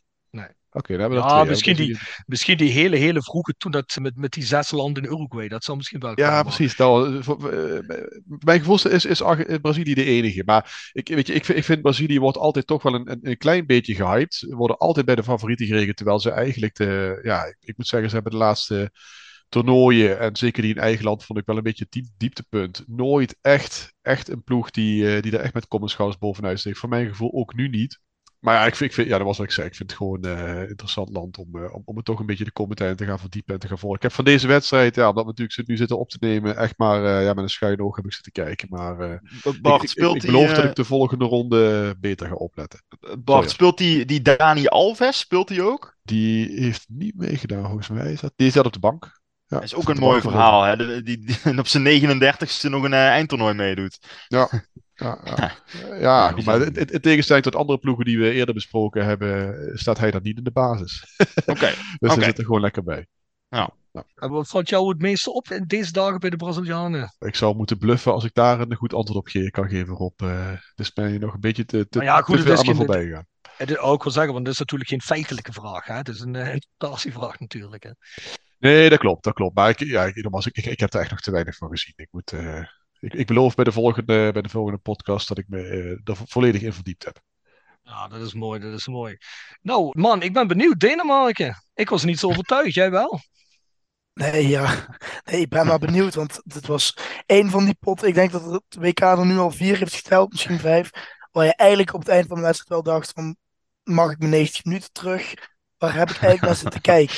Wat er ei- eigenlijk gelijk opviel is dat Tunesië. Ik, ik vond veel leuker om naar te kijken. Je zag dat ze minder kwaliteit hadden in veel meer strijdlust. Je zag volgens mij in de derde minuut dat Laidouni, ehm hij tackelde een bal weg van Eriksen. Ja, dat was mooi. En Ja. hij juicht net alsof hij al het WK heeft gewonnen. Dus je zag Ja. gewoon, en toen denk ik ook al, als Deen denk je dan ook wel van, oeh, die jongens nemen het wel heel serieus. Want dat viel me juist op aan Denemarken. Ja, die, die, die had ik het gevoel van, die zijn er wel al een beetje als Argentinië. Dus we hoeven niet zo erg ons best te doen. Christensen vond ik wel erg fijn spelen. Die had wel een paar mooie momentjes ook. Eh, wat nog meer opviel is dat er zijn van allebei de kanten een afgekeurde goal ook. Allebei van buitenspel. En twee VAR-momentjes. eh hands-momenten ook. Eh, Denemarken die een, een handsbal maakte. Dat werd ook niet meer gecheckt door de VAR, als ik het goed heb. Dat was ook wel terecht. Maar Tunesië maakte ook een handsbal. En ik denk eerlijk gezegd, ik weet niet of jullie die hebben gezien. Als de VAR die toch nog iets beter had gecheckt. Denk dat het eigenlijk wel een, eh, een 1-0 voor Denemarken in had gezeten. Want dat was een in de 16. Die Tunesiër rammelt heel de koers van de bal. Waardoor hij niet in de voeten van de Denen komt. Dat had eigenlijk Ja. wel een, een penalty mogen zijn voor mijn kant. Voor mijn part. Maar ehm, Ja. nee, het, het enige wat me opviel is dat Tunesië heel leuk speelde. Ja. Ja, Ik denk dat de rol van Dark Horse die de Denen opgeplakt is, zeker na het laatste EK, dat ze dat een beetje de das om is aan het doen. Ja, ik denk inderdaad dat ze er zelf ook in zijn gaan geloven. Maar na, na misschien die laatste wedstrijd van Frankrijk, en we gaan het denk ik vaak over hebben, maar die, eh, ze moeten hierna tegen Frankrijk. Als je zag hoe Frankrijk speelt, hoe Denemarken speelt, denk ik toch dat het ook een vernedering wordt. Ja, dat, dat durf ik toch nog niet te zeggen hoor. Want ik denk toch dat eerlijk gezegd Denemarken, als het dan tegen een sterker land is, dat ze zichzelf ook wel weer heel erg als goede tegenstand kunnen opwerpen. Dus dat weet ik nog niet. Ja, dan komen we eigenlijk aan bij Canada, jongens. Hebben jullie hem gezien gisteren tegen België? Jazeker. Weet je de wedstrijd waar ik nog het meest van gezien heb, inderdaad. Ik had gisteravond had ik wel wat tijd en heb ik echt eh, wel zitten kijken, ja. Het is ook altijd leuk om een debutant te zien, hè? Ja, het was natuurlijk een bizarre Ja. wedstrijd. Hè. Ik, had, ik had veel beloofd in de vorige podcast. Ik geloof niet dat ik te veel beloofd heb. Die jongens zijn met ontzettend veel eh, zelfvertrouwen WK opgekomen. Ja, je, je kon zien, hè, alles gebeurt op snelheid en op kracht. Ik was niet teleurgesteld. Het was een kruising tussen een eh, wedstrijd van de eetjes en, en een gewone leuke aanvallende wedstrijd. Want ja, er waren, bij Vlagen was al midden in de eerste helft dat het complete middenveld ontbrak. Dus ik vond het wel bizar. En die Belgen, ja, die kwamen niet naar voetbal toe. Ik denk dat die eh, niet heel goed eh, wisten wat ze overkwam. Ja, en ik kan het even niet teleurgesteld. Het enige wat wel slordig, misschien nerveus. Ik heb wel ook Canadese commentaar naar de rand nog even gekeken. Canadezen hebben nog nooit gescoord op een WK. Dus die jongens die willen natuurlijk onderling ook misschien wel de eerste zijn die een WK-goal maakt. Afronding was bijzonder slecht. Die penalty was bijzonder slecht ingeschoten. Ja. Maar ik denk wel dat we van Canada deze pool nog wel iets kunnen verwachten. Vooral omdat ze de op papier sterkste tegenstander wel hebben gehad. En ik weet in ieder geval dat het Canadese volk, die zijn er nu echt in gaan geloven. Omdat ze nu zich hebben gemeten aan een echt sterke tegenstander. En dat ze er eigenlijk, eigenlijk, hadden ze verdiend die wedstrijd te winnen op basis van het wedstrijdbeeld. Dus nou ja, goed. En ik verwacht wel dat eh, Canada de groep gaat overleven. Bold statement, maar ik denk dat ze de groep gaan overleven. Dus, Ja, dat eh, denk, ik- dat denk ik ook, Rob. Ik denk dat eh, Canada inderdaad, als je het vergelijkt met... eh, ik heb gisteren Kroatië en Marokko gezien, was een hele stroeve pot. Dan denk ik inderdaad dat, eh, dat Canada eh, een ploeg is die eh, zonder meer mee kan naar die achtste finales. En als ik heel eerlijk ben, denk ik ook dat Canada misschien nog wel over België heen kan wippen. Ja, ik denk dat de Belgen het heel moeilijk gaan krijgen hoor. Want ja, ik, ik vond het echt totaal inspiratieloos. Ik vond Kevin De Bruyne misschien wel de, de slechtste vedette op het WK tot nu toe. Wat die mee bezig was, het was toch een potje aan foute passes, vreemde dribbles. Ja, ik vond het eigenlijk heel vreemd. Het is wat Björn zegt, als je nog met een uh, centrale verdedigingsduo al de wereld vertongen denkt op een WK te kunnen overleven, dan heb je de plank toch wel flink misgeslagen. Ja, ze hebben niks beters. Hè? En uh, ja, ze zijn er met de schrik zijn ze er vanaf gekomen. Dat, uh, dat ene moment waar kan ook bijzonder slecht staat te verdedigen trouwens. Ja, ik, ik, ben in ieder geval land wat ik volg. Heb ik uh, vol vertrouwen. Hebben me niet teleurgesteld. alleen, ja, de afronding zal een stuk beter moeten, want anders gaat het ook niet lukken. Dus. Rob, ik las, las dat die coach dat, dat een enorme ja, een, een, een motivatietype moet zijn of zo. Ja, die heeft ook van tevoren, heeft die, de Canadese vrouwen heeft hij een hele tijd onder zijn hoede gehad. En die zijn, onder zijn hoede zijn die ook uh, ja, eigenlijk tot een, tot een wereldmacht bij het vrouwenvoetbal zijn die opgestegen. Dat is ook een top 5 team nu.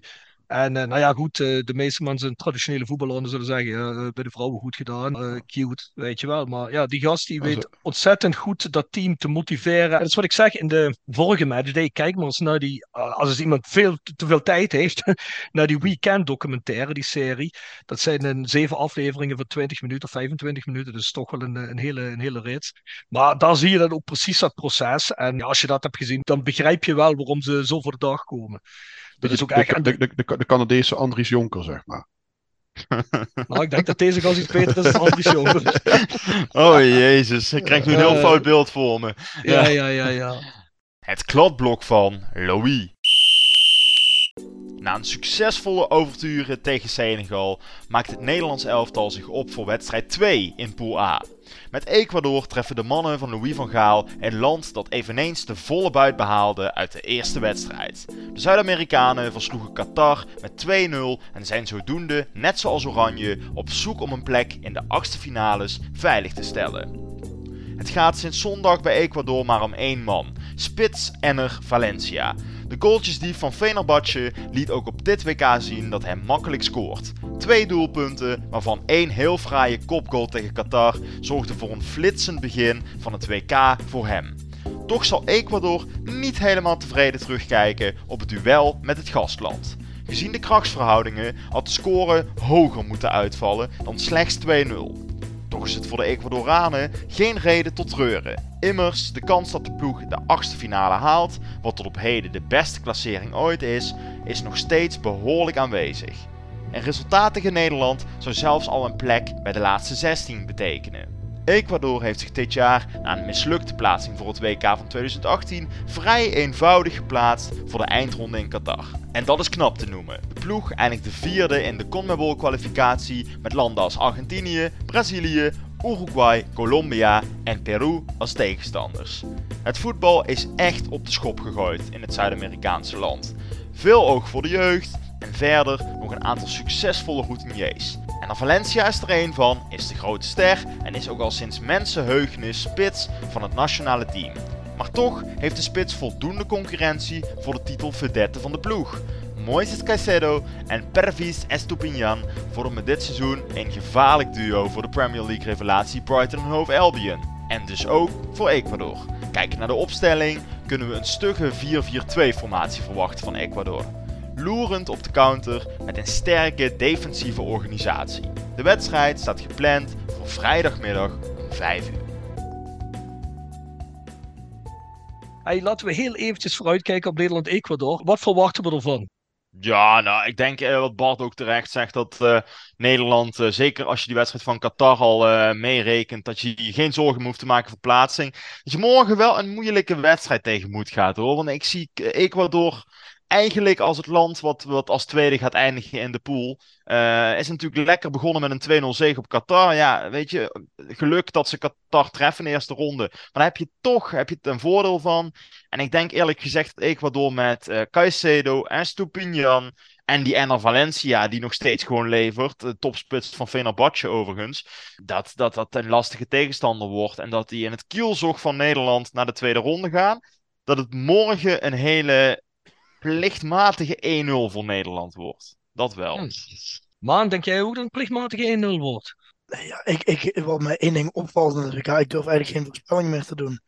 ik durf het bijna niet maar, maar... maar laat je niet uit het veld slaan door ons. Hè? Gewoon blijven zeggen wat je vindt. Dat doen wij ook. Ja, ja, ja, wat ik vind. Nee, dat is wat ik We vind. Ik gewoon heb- allemaal onzin uit. Dus, eh, Ik heb, ik heb ook opgeschreven al wat me opvalt. is, Ja, ik, ik is kan. dat je niks kan voorspellen hier. Ik, ik weet niet of jullie Scorito ook hebben gezien. Nou, Ja, ook iedereen dat- wordt daar gek van. nee, maar, maar dat heeft Jasper ook nog nooit tegengehouden om een voorspelling te doen. Dus dat Nee, maakt allemaal Ma- niet uit. Nee, nee, nee. Magic, Ma- Magic Jas staat op eh, plek 58 en blijft Nee. gewoon voorspellen hoor. Eh, Magic Jas staat op plaats 74, Pik. oh jezus, ben ben ik weer gedaald. Oh god. Ik heb ik net heb- onder dat jij een hele relatie was aan het houden, heb ik even nagekeken. Ai, Ik, ai, ik moet ai. mezelf nog aanmelden bij de pool, volgens mij. Kan dat? Maar Maurice Stelen, Maurice Stelen staat onder mij. Maar ja, die zal wel dronken die Hé, maar Jasper, hebben ik zie trouwens dat hier iemand op plaats 20 staat en die heet Mijn Jas. Je hebt je toch niet eh, opnieuw met een nieuwe account aangemeld na de eerste dag toen het zo heel slecht nee, ging? ik, zou, ik zou niet durven op. Nee, maar, maar, maar, maar wacht eens even. Mijn jas. Zijn dat misschien vrouwelijke fans die eh, stiekem fan zijn van Jasper of zo? Die zich aanmelden met mijn Dat jas. zou kunnen, ja. Nee, nee, nee, jongens, eh, dat, moet, dat moet niet heel veel gekker worden in de wereld. Maar goed. Hey, Ja. ik, ik moet wel zeggen, man, Gerard presteert het beste van ons tot nu toe. Met, Ja, maar met, op, de, ik- op de ik- dertiende plek. Ik ga, me nog aan de, ik ga me nog aan de subgroep toevoegen. Ik weet niet of dat nog wat Nee, uitmaakt, maar... Daarom nu komt er Ja, ook dat een kan, eh, kan. mastervoorspelling. Ik schrijf het er maar vast mee, Bart, als je nog moet gaan invullen. Oh, ja, nu Dan, komt eh, het. Dit, dit wordt een 3-1. Hij heeft 3-1. seatbelts. zo'n seatbelts. Ga, ga jij mee in de winst voor Nederland, Bart? Ja, zeker. Eh, ik verwacht eigenlijk een, een redelijk vergelijkbare wedstrijd met, eh, met tegen Senegal. Dus ook inderdaad moeizaam. Het zal geen hoogstaande wedstrijd worden. Het wordt ook geen grote uitslag. Maar ik denk weer een, eh, een, een 2-0 of een 2-1 of iets dergelijks. Ja, ik ga zelf voor een 1-1. Want ik eh, schat eh Ecuador een, een, stukje technischer in en georganiseerder dan Senegal. Want Senegal trouwens wel allemaal beesten. Hè? Bjorn Jegers wel degelijk gelijk in. Hè? Als, je, als je die als verdediging hebt staan, kan eigenlijk niet veel misgaan. Ja, die waren allemaal groot en sterk. Maar als ze vaak bij Afrikaanse landen vond ik dat toch in de organisatie hier en daar niet helemaal wereldcup niveau is, om het zo maar te zeggen. Verder goede Ja. spelers trouwens. En ik denk wel als ze een manier hadden gehad dat het een beetje anders was gelopen. Maar ja, ik ga voor 1-1. Ze delen de punten. Nederland speelt de laatste wedstrijd tegen Qatar. Wel het slechtste land was het nu toe wat ik gezien heb. Dus ja, dat moet, kan een bakje zijn. Maar ik denk dat we tegen Ecuador dat nog niet helemaal gaat, gaat lukken, denk ik. Ik heb me net aangemeld. Ik wacht op eh, toestemming van de beheerder om, eh, om mee te mogen doen, zie ik. De beheerder zal er dadelijk even in kijken. Top. Spoorboekje. Speelronde 2. Vrijdag denderen we alweer door met speelronde 2 op het WK voetbal. Wales en Iran trappen vrijdagochtend om 11 uur de tweede ronde af met een onderlinge confrontatie. Voor Iran is dit de laatste kans om door te komen op het WK, terwijl Wales de morele winnaar zal zijn uit het duel tegen de Verenigde Staten dat eindigt in een 1-1 gelijk spel. Aan de support zal het niet liggen, gezien de grote getalen Welsche fans. Gastland Qatar kan om 2 uur revanche nemen op de valse start tegen Ecuador wanneer het aantreedt tegen Senegal. Senegal zal tegelijkertijd bloed ruiken aangezien Qatar tegen Ecuador vernederd werd in eigen land. De Senegalezen, de Senegalezen zullen wel moeten, aangezien ze verloren van Nederland. Het Afrikaanse land kon lange tijd goed mee met Nederland, maar verloor uiteindelijk toch. Na Nederland-Ecuador om 5 uur is het om 8 uur alweer tijd voor de clash tussen Engeland en de Verenigde Staten. Waar Engeland wervelend begon met een 6-2 gelijkspel en eigenlijk al met één been in de volgende ronde staat, zullen de Amerikanen vol aan de bak moeten om de kans te houden op de tweede ronde. De Amerikanen speelden Wales in de eerste helft totaal van de mat, maar zagen in de tweede helft de kansen keren waardoor het 1-1 werd. Zaterdag gaan we door met de spannende strijd in groep D. Tunesië en Australië vechten voor een plek in de achtste finales. Tegelijkertijd moet Denemarken aan de bak tegen Frankrijk. De Denen vielen als outsider enorm tegen tegen Tunesië en zullen tegen Frankrijk uit een ander vaatje moeten tappen. In groep C was dinsdagmiddag iedereen getuige van een van de grootste stunts ooit op een WK. Saoedi-Arabië versloeg favoriet Argentinië met 2-1 en zou in theorie door een winst op Polen zichzelf kunnen verzekeren van een plek bij de laatste 16. Een unicum voor de Saoedi's. Argentinië moet op haar beurt zorgen dat het niet al afgelopen is tegen Mexico. De titelfavoriet zou bij een nederlaag eventueel al uitgeschakeld kunnen zijn. Wint Mexico van Argentinië en Saoedi-Arabië van Polen is de Messi-droom afgelopen. Zondag kan die andere verrassing, Japan, dat met 2-1 van Duitsland won, zichzelf ook verzekeren van een plek bij de laatste 16. De ploeg moet dan winnen van Costa Rica.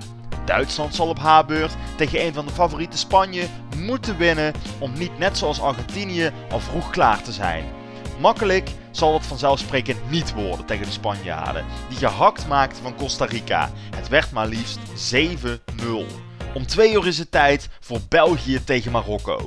De Belgen wonnen met alle geluk van de wereld tegen Canada en kunnen bij winst op Marokko plaatsing veiligstellen. Marokko begon met een knap punt tegen Kroatië en zal dit resultaat een goed vervolg willen geven tegen de Belgen. De Atlasleeuwen zullen gebrand zijn om er meer uit te halen dan vier jaar geleden in Rusland. Canada en Kroatië kruisen om 5 uur de degens. Voor beide ploegen begon het WK teleurstellend. Zij zullen uit zijn op revanche. Maandag wordt speel 102 afgesloten met vier potjes. Om 11 uur Cameroen tegen Servië. Om 2 uur Zuid-Korea tegen Ghana. Om 5 uur Brazilië tegen Zwitserland. En om 8 uur sluiten we af met Cristiano Ronaldo's Portugal tegen het Uruguay van Luis Suarez, Edinson Cavani en Darwin Núñez. Hey mannen, om het af te sluiten, wat is jullie het meeste opgevallen de afgelopen dagen? Nou, wat, wat, wat, wat mij het meest opgevallen is, en dan hou ik het even puur bij sportieve, dat is ehm, dat, ja, dat, dat dit WK een totaal andere dynamiek heeft dan de zomer-WK's. Ja, denk ik. Eh, en dat heeft ermee te maken, denk ik. Hè, we, zagen, we zagen toch ook zelfs eh, Frankrijk bijvoorbeeld toch, toch wat beetje ja, verschrikt begonnen. Nederland heeft het moeizaam. Ik denk toch dat je op een zomer-WK die uitslagen van Argentinië en Duitsland misschien wel toch wel niet had gehad. Want dan, dan heb je het ook een andere voorbereiding. Hè. Dit zijn vaak drie vier, drie, vier weken bij elkaar. Wat oefenwedstrijden gespeeld. En nu komen ze vers uit de competitie. Bam. Het moet gelijk gebeuren. En ik denk dat dat toch wel, ja, ik denk dat met name voor de underdogs wel, wel een aantrekkelijke positie is. Het is natuurlijk de vraag of dat over een hele pool dadelijk ook, ook zo gaat uitpakken. Maar ja, we hebben het over Duitsland gehad. Ik denk dat die wel een serieus Mhm. probleem kunnen hebben. En volgens mij heb ik het net al een beetje verteld. Wat mij het meest opviel is dat dus, eh, ja, je, je kan niks voorspellen. Dat, ik zie geen normale uitslagen, bijna geen normale dan. Ik denk dat er nu misschien vier of vijf wedstrijden zijn waarvan je van tevoren kon verwachten dat het zo zou eindigen. Dus eh, ja, ik, ik, ik, wat ik ook vorige, wedstrijd, vorige keer al zei, ik heb nog niet, eh, geen andere WK echt bewust meegemaakt, maar ik kan me er niet voorstellen dat dit de normale gang van zaken is. Heerlijk hè, die man. Ja, Zo hoor ik zelden iemand praten in mijn omgeving. ja. Ik kan me niet voorstellen dat dit de normale gang van zaken op een WK is. Ja, we hebben ook, ook, ook, ook gewoon, nog geen normale uitslag gezien, weet je. En dan denk ik van, ja, weet je, Denemarken 0-0 is... Nee, nee, wat had je dan vier of vijf normale, de rest Ik wil zeggen, anders. Ja, Hey, jongens, als, als, als ik binnenkom, dan kom ik trouwens... Ik heb al eens even gekeken. Als ik binnenkom in de Voice of Car, hey, pool, dan sta ik wel boven jullie allemaal. Even waarvan Ah, achter. dat kunnen we je, Bart. Ja, ja, ja, ja. Nou, nee, wat mij opviel was de, de passievolle Welshman bij de wedstrijd Verenigde Staten tegen Wales. Daar heb ik echt heel erg van genoten. Toen Garrett Bale scoorde, leek het bijna een thuiswedstrijd daar in, eh, ja, ik weet niet, een van de zoveel stadions in Doha. En eh, heerlijk, die passie van die, eh, van, die, eh, van die gasten die volgens mij in de jaren 60 voor laatst meededen aan een, aan een wereldkampioenschap. Ja, ik hoop heel erg dat eh, Wales in het kielzog van Engeland in groep B doorgaat. Weet je trouwens wie de bondscoach is bij de Verenigde Staten? Rob, jij- Rob Ja. jij moet hem nog wel kennen. Burkhazer of dat was Nee, het? Greg, Greg, Greg Burhalter. Burhalter. Burhalter. Die, die, die Oh, die we heeft ook in Nederland gevoetbald. Ja, bij ja, Cambuur, ja. ja. Maar volgens mij bij Sparta ook toch, of niet? Ja, ze kunnen. Bij Energie Cottbus heb ik hem nog gezien. Ja. Ja, die heeft heel lang in Europa gevoetbald, ja. Ja, is hij daar coach? Dat wist ik niet. Is daar bondscoach? Ja, dat denk ik ook van. Zou ze bij Amerika niet... eh, ja. Ah, ik vond die Amerikanen wel niet overhouden. Ik vond dat die Canadezen Nee, veel dat is altijd, beter... Altijd, eh, altijd heel ja. boven. Ja, wat is mij opgevallen? Ik heb twee. Eentje is niet voetbal gerelateerd. En dat is dat ik dit WK wel heel erg bijzonder, bizar vind.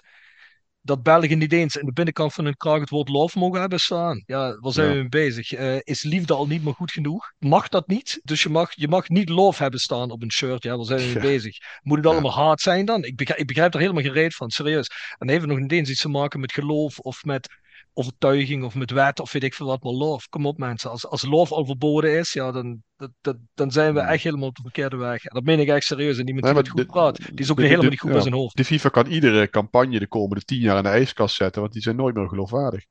Nee. Dit, en die, eh, die, die One Love armband, kijk, vind ik ook belachelijk. Daar kun je misschien nog over discussiëren. Ik vond trouwens ook die El Amadi die er in de uitzending zat. Ik weet niet of jullie dat gezien hebben. We werden dan gevraagd aan die, eh, aan die, die, die, hoe heet ze nou, Christine Stendler, of ik weet niet hoe ze heet. Stendler. Oh, Leonne, ja, m- eh, Mrs. Stendler. Open Deuren. Ja.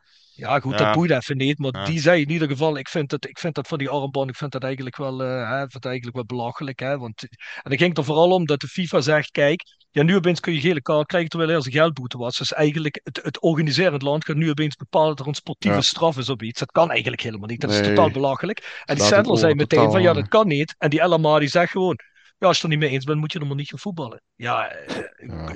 dit is gewoon iets dat kun je niet maken. Dus ze stellen zelf de regels bij. Dat heeft daar niks mee te maken. Vond ik bijzonder zwak.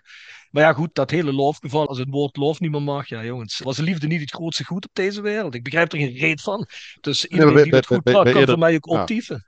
Bij eerdere WK stond altijd het grote het bord respect, hè, rondom de FIFA-logos en dat soort dingen allemaal. Ik denk, ja jongens, eh, Ik zit trouwens in het laatste gedeelte van die Duitse FIFA Qatar podcast die ik als, als tip heb gegeven eh, bij de afgelopen Voice of Calais. Ik raad je ten zeerste aan die te luisteren, want het is eigenlijk bizarder dan je denkt nog met dat Qatar. Maar wat me sportief het meeste opviel, ja, ik heb geen idee, maar dat maakt deze persoon volgens mij compleet ongeschikt om überhaupt nog in de basis of in te vallen bij Nederlands elftal, is dat Matthijs de Ligt in de pers opgetekend zegt dat hij misschien denkt dat misschien Timber wel de betere man is voor, eh, voor deze rol in de verdediging. Dus Sammy disqualificeert hij zichzelf. En als je van jezelf niet overtuigd bent dat jij die rol kunt spelen, of dat jij goed genoeg bent voor die positie, en je zegt zelfs, misschien moet iemand anders in mijn plaats spelen. Ja, jongen, echt serieus. Dan, als ik drie gitaristen heb waar ik uit kan kiezen bij de band, is er één die zegt van ja, misschien ben ik wel niet de juiste man. Dan zeg ik, dat klopt, jij blijft vanaf nu thuis. Want ja, Ja. Wat, wat is dit? Nee, maar maar Matthijs de Ligt had nooit naar Italië moeten gaan. Daar heeft hij alles verpest voor zichzelf eigenlijk. ja, maar toch- toch ide- toch leek me dat wel het ideale land voor hem. Ja, maar maar daar is hij een soort brok beton geworden zonder eh, coördinatie. Dus dat Ja, gaat maar- maar ik- mis. Maar waar het mij meer om gaat, de instelling. Heeft hij zichzelf opgegeven? Waar gaat dit over? Je geeft jezelf Ja. toch niet op? Je zegt eigenlijk Ik- over jezelf, ja, doe mij maar liever niet. Wie zegt dat over zichzelf als je op een WK speelt? Nou, kortom, Jurien Timber erin. Klaar. Ik vind het toch altijd bizar. Heel Nederland dacht dat hij Timber zou opstellen. Dan stelt hij de licht op, dan stelt hij me op en dan zeg ik daarna, nou, stel mij maar niet op. Mhm. Bizar. Heel bizar. Ja. Maar goed. Hey mannen, tenzij jullie nog iets hebben, zou ik hem willen afsluiten voor deze keer. Ons e-mailadres is thevoiceofcalais.16.com en dan zou ik zeggen, tot de volgende keer. Tot de volgende keer. Eh, Hoi hoi.